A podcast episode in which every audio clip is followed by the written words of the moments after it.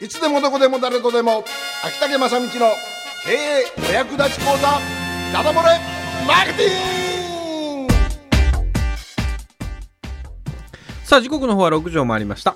FM 北九のスタジオから生放送でお届けしております、えー関門独立共和国。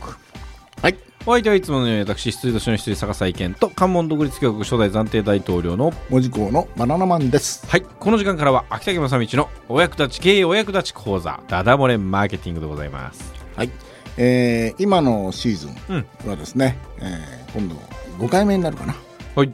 そうそううん。5シーズンですね。はい、えーえーとあ4回目のシーズン。でフィフスシえーでこの、えっと5回営業心理学うんということでやっておりますがその第5回目。はい。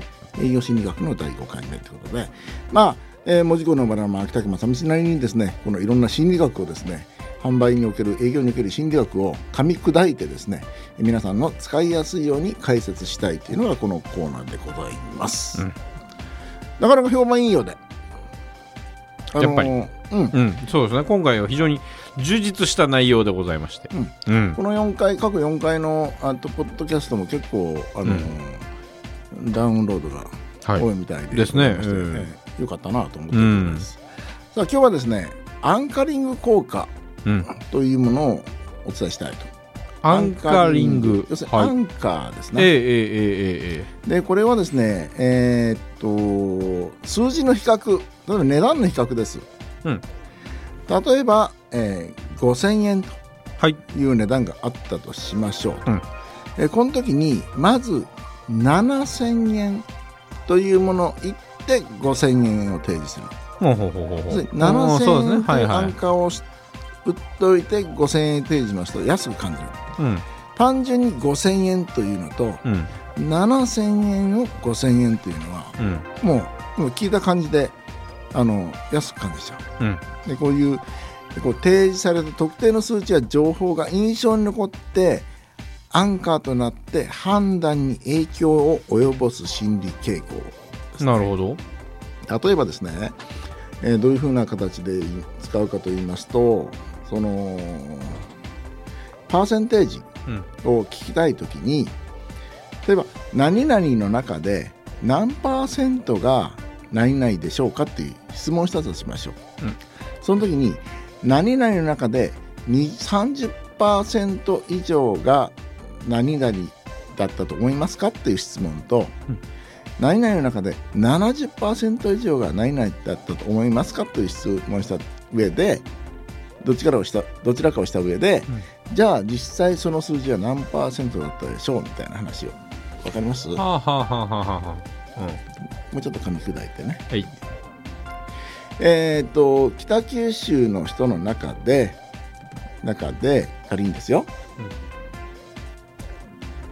北九州の人の中であ今なんかお客様来られましたね。ええですね。ええ。はい。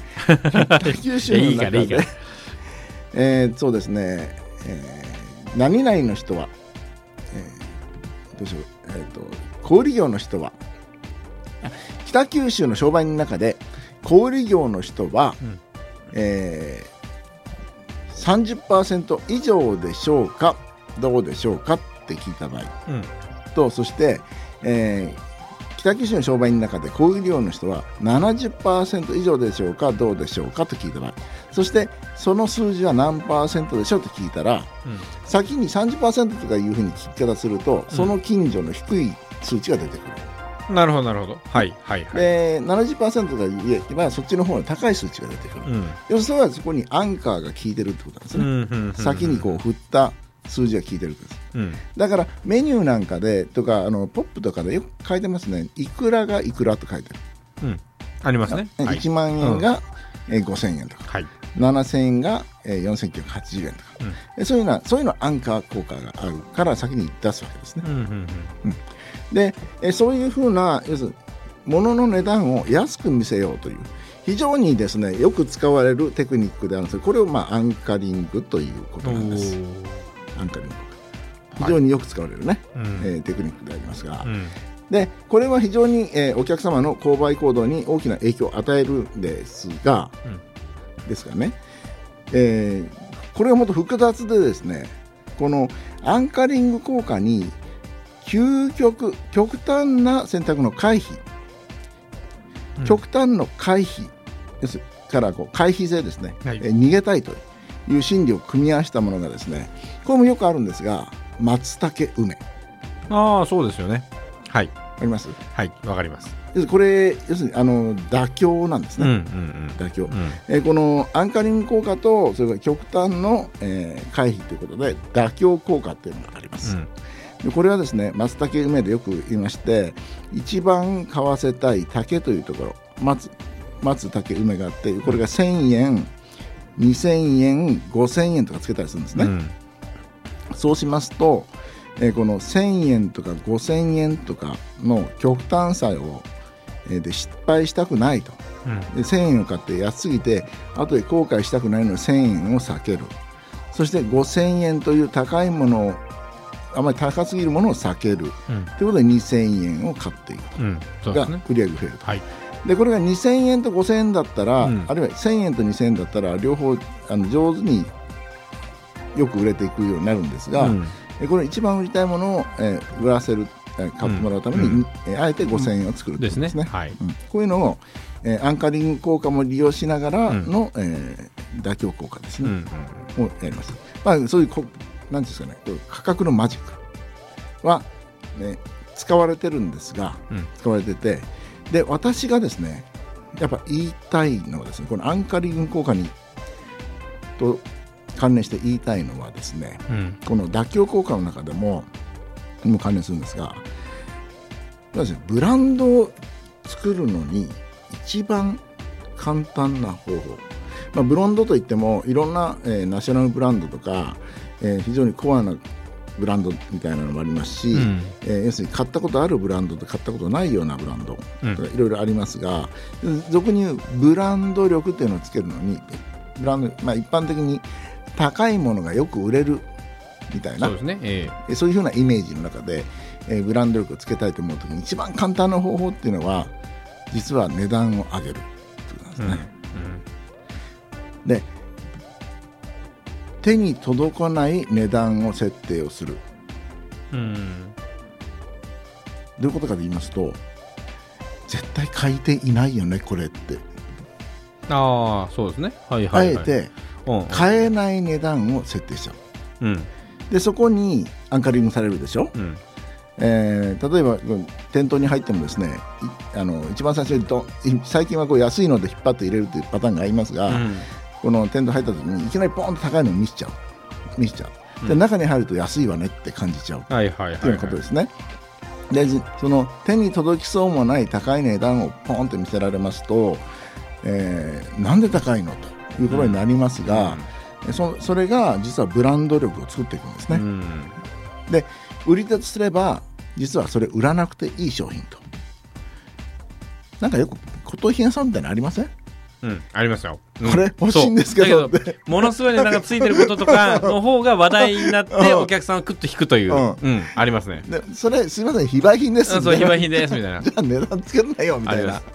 もう、あの、なんかほら、ごごちゃごちゃ、うん。えーね、えー売ってるとこにも、ええガンダムのフィギュアがドーンと大きいのがね、え えあって、ええでもそれは非売品なんですよね。えでそういうのがですね、はい。実はブランドを高めていくための、えうん。えー一つの、えー方法論として、えーまあ、心理ををですねうん。心理的な要素を使った方法論としてあるんですがあの意外と真面目な商売人ってあれですけど、うん。多くの商売人がですねあの値段を高くつけるのをやっぱ怖がると言った方がいいと思うんですが、うん。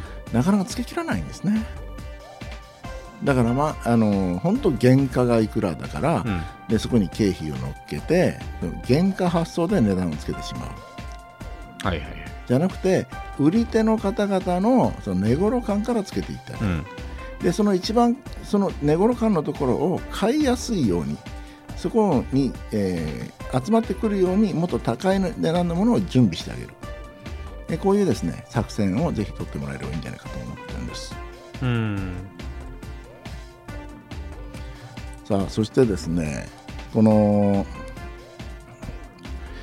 アンカーということなんですがアンカリングですね。これ値段さっき最初に紹介した時に、えー一つの数値とか特定の数値や情報が印象に残って基準点アンカーとなり判断に影響を及ぼす心理傾向のことというふうにご紹介したんですが、うん。この実は数値だけではなくてこの情報が結構ミソなんですね。あそうか。はい。情報がミソなんです。うんうん。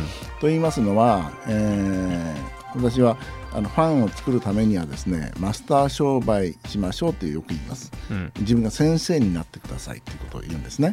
例えば私の干物屋であれば、えー今まで干物をあまり気にかけてない人日頃食べてるけどどこどこの商品ってどこのメーカーの商品って気にかけてない人たちが本当の、えーこれからのお客様になる可能性のある人で。して、えーすでにすでにえー干物を食べつけた通の方々はですねいろんなところを食べつけててもうすでに実はアンカーを持ってるんです。うんうん自分の基準点を。ところがまだ干物のことをしっかりとその、ね、